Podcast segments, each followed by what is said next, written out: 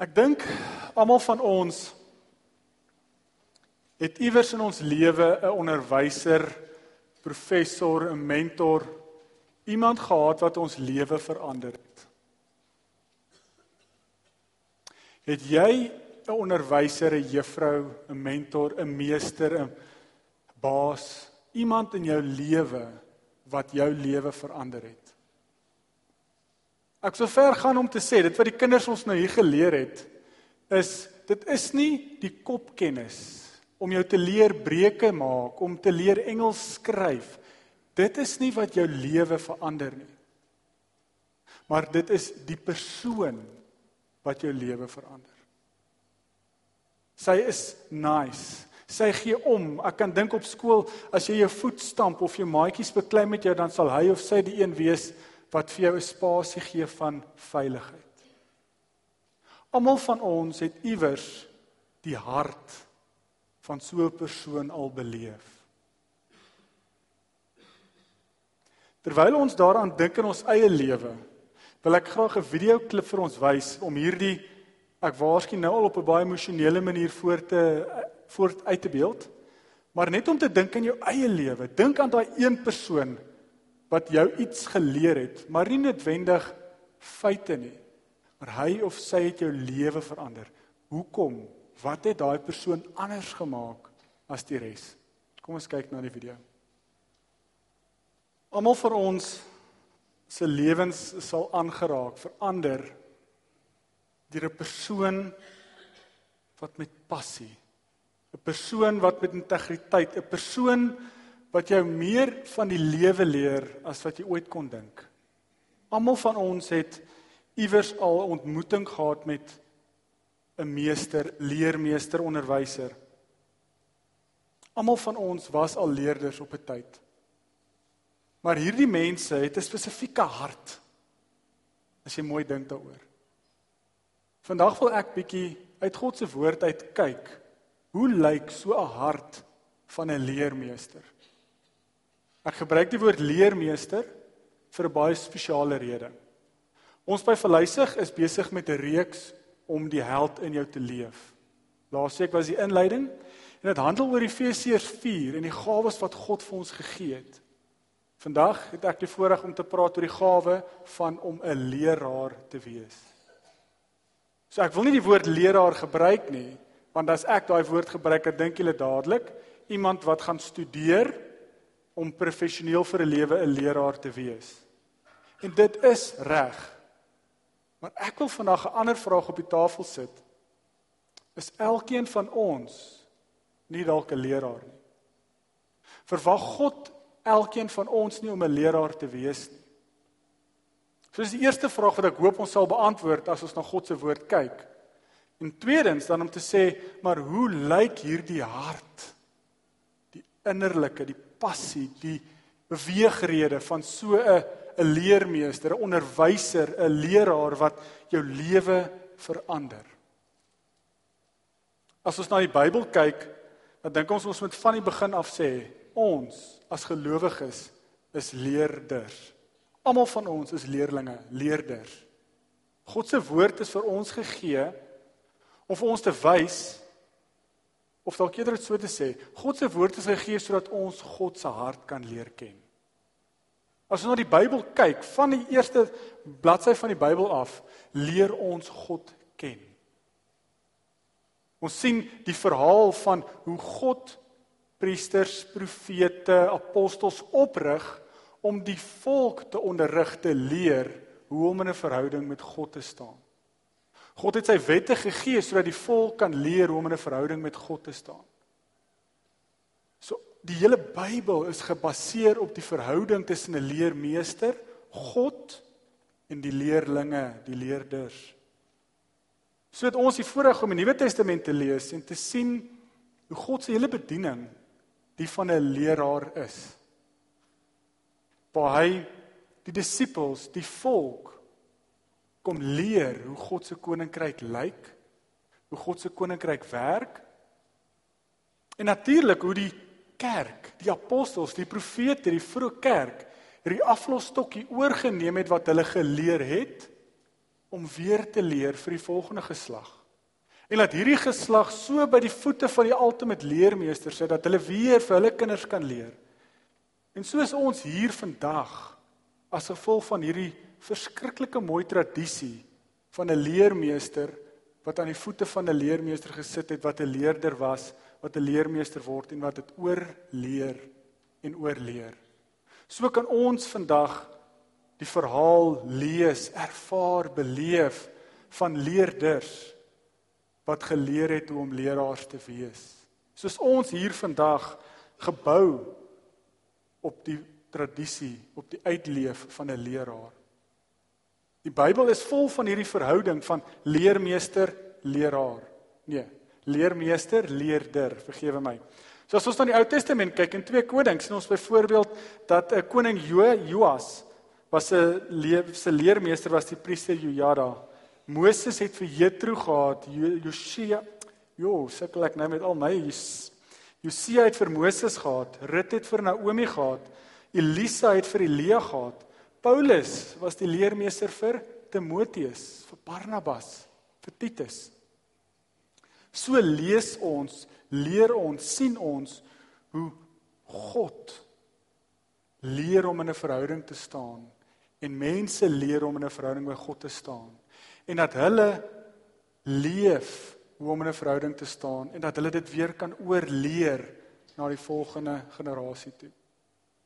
Dis nou 'n lang inleiding, maar ek wil graag vandag na die verhouding tussen Paulus en Timoteus kyk. Een goeie rede is want Paulus maak dit vir ons maklik. Hy skryf briewe vir Timoteus oor waar hy hierdie leermeesterstokkie of die leraarstokkie oorgee om te sê Timoteus, jy was lank genoeg 'n leerling. Gaan leer nou self vir ander mense. Hoe die verhouding tussen leraar, leermeester, leerling die verhouding loop. So as ons na Paulus kyk en die verhouding met Timoteus, dan gaan ons in 1 Timoteus 4 lees. So die van julle wat julle Bybels het, kan solank by 1 Timoteus 4 oopmaak. As jy op 'n selfoon wil lees, kan jy dit ook doen. As jy nie 'n Bybel het nie, is hier Bybels hier voor as jy graag wil volg. Maar 1 Timoteus 4 lees ons iets van uit Paulus se hart wat hy oorgee vir sy leerling Timoteus, maar wat ook 'n leraar is in die gemeente van Efese. Die verhouding van Paulus en Timoteus lees ons eerste keer raak aan Handelinge 16.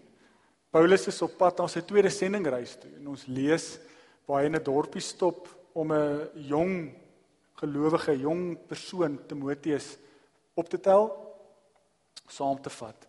So begin hierdie leermeester leraar leerling verhouding. So leef hulle, bedien hulle saam tot ons vandag in 1 Timoteus 4 kan lees waar Paulus nie meer daar is as 'n leermeester in die sin van on-site saam met hom nie. Maar laat Paul ag Timoteus nou die leraar van 'n gemeente is wat hierdie aflosstokkie oorgevat het. So ek lees vir ons 1 Timoteus 4 vanaf vers 6. Dis natuurlik nou Paulus wat hier met Timoteus praat. As jy hierdie dinge aan die broers voorhou, sal jy 'n goeie dienaar van Christus Jesus wees wat jouself voed met die woord van die geloof en die goeie leer waarvan jy 'n aanhanger geword het. Maar van onheilige en sinlose verdigsels moet jy wegbly. Oefen jou liewer om in toewyding aan God te lewe. Om my liggaam te oefen het wel 'n bietjie waarde, maar om in toewyding aan God te lewe het in alle opsigte groot waarde. Want dit bevat 'n belofte van lewe vir nou en die toekoms. Dit is 'n betroubare woord en kan sonder voorbehoud aanvaar word. Met hierdie vooruitsig span ons ons kragte in en stry ons, want ons het ons hoop op die lewende God gefestig, wat die verlosser is van alle mense, van almal wat glo. Hierdie dinge Timoteus moet jy die mense beveel en leer. Niemand mag op jou neersien omdat jy jonk is nie, maar wees vir jou, maar wees jy vir die gelowiges 'n voorbeeld in woord en lewe, liefde, geloof en reinheid. Totdat ek kom, moet jy jou daarop toelê om uit die skrif voor te lees, te preek en onderrig te gee. Moenie die genadegawe wat jy het verwaarloos nie. Dit is aan jou gegee deur die profesie van die raad van ouderlinge toe hulle die hand op jou gelê het. Lê jou op hierdie dinge toe. Leef daarin sodat almal jou vordering kan sien. Let goed op jou lewe en jou leer. Volhard daarin. Want deur dit te doen, sal jy jouself red sowel as die wat na jou luister. Ons lees net tot daar. Ons lees hier eintlik 3 goed wat ons vandag moet wegvat. As ons kyk na wat die rol van 'n leraar is, maar ook dalk om die vraag te beantwoord, te begin beantwoord, is ons almal nie 'n leraar nie. En ons lees hier dat eintlik uit Paulus se hart uit, hoekom is jy 'n leraar? Hoe tree werk wat hoe doen 'n leraar? Dat ek dalk eerder so sê. Maar dan ook derdens prakties, wat doen 'n leraar? En ek dink dis bitter belangrik om by die hoekom te begin. En Paulus praat hier met Timoteus en hy sê voed jouself op die woord van geloof en goeie leer. Dit is dis die hoekom. Paulus en Timoteus het hulle sandale plat geloop saam as leraar en leerling. Hulle het saam geworstel, saam met gemeentes gehelp, toegerus, opgelei. Maar jy kan dit nie doen sonder die hoekom nie. Paulus is iemand wat homself fisies blind geloop het in die opgestane Here op die Damaskuspad. Vanuit daai kop aan kop botsing met die Here is Paulus se lewe heeltemal anderster. Vanuit daai ontmoeting met God tree Paulus op as 'n leraar van die verhouding wat hy het met God. So is Paulus iemand wat hierdie geloof kweek, voed in sy leerling Timoteus. Almal van ons het iewers 'n ontmoeting met God gehad, het dalk nog elke dag. Maar iewers het God sy hand in ons harte ingedruk en hy het ons warm geraak, warm geblaas. Hy die die koel van geloof, die koeltjie, die the ember van geloof in ons harte aangeblaas met sy gees sodat kan vuur word. Is ons mense wat daai vuur voed in ons eie lewe of laat ons hom soos 'n ou braaivleisvuur net uitbrand? Dis die eerste stap om iemand soos Paulus en Timoteus dag vir dag by ons leermeester by God se voete te sit en te leer wie God is. Wat is God se hartklop? Hoe lyk God se koninkryk? Hoe is ek deel van God se koninkryk? Die beste voorbeeld vir my, 'n lewendige voorbeeld van iemand wat so 'n leraar optree vanuit hierdie hoekom, vanuit hierdie ontmoeting met God, vanuit hierdie geloof, is Charles Spurgeon. 'n baie bekende beroemde Engelse prediker. Hy het letterlik Brittanje tot die geloof gepreek in die paar jaar dalk baie jaar terug. En iemand het eendag vir hom gevra, meneer Spurgeon, hoe kry jy dit reg om week na week so kragtige woorde te bedien te preek? Hoe kry jy dit reg om elke week iets nuuts te preek? Kom jy nie word raak nie net gedagtes uit, idees, gedagtes uit nie? Toe sê hy vir die persoon is dalk met my vertaling, ek weet nie lekker wat jy vir my bedoel nie, maar laat ek jou verduidelik hoe hoe doen ek dit? Ek as Charles sit elke dag by die voete van die Here, my leermeester. En ek voed my gees, ek voed die vuur wat God in my aan, aan die brand gesteek het. En so leer ek God ken. En dit wat ek niets leer van God, dit wat ek ervaar, beleef van God, sit ek net in 'n mandjie langs my lesenaar. En so dag na dag voed ek myself. Ek sit by die voete van my leermeester, leer God ken. En as dit kom Sondag en ek moet preek, dan tipe ek net hierdie matjie om en ek deel met mense wat ek van God geleer het. Dit is die hart van 'n leraar. Om so aan die brand te wees vir die Here dat jy nie anderster kan as om dit te leef nie. Om vanuit jou geloof te leef en dit natuurlik met passie te kommunikeer en te kan goed kommunikeer en te kan verduidelik Maar ek sê altyd die professore wat my die meeste in die lewe beïnvloed het, is professore wat die mees komplekste teologiese denke vir 'n 3-jarige kind kan verduidelik. Hy of sy het al geworstel om dit te verstaan, te internaliseer. Het jy jou geloof al so geïnternaliseer dat jy dit vir 'n 3-jarige kind kan verduidelik? Dit is die hart van 'n leraar. So die hart van 'n leraar begin vanuit die hoekom dat God jou 'n roeping op jou hart geplaas dat jy vanuit daai vuur wat in jou vlam leef. Ek wil graag 'n tweede videoklip wys wat op dit voortbou maar ook die res inlei. En ek moet waarsku dit is 'n andertalige videoklip maar daar is ten minste onderskrifte.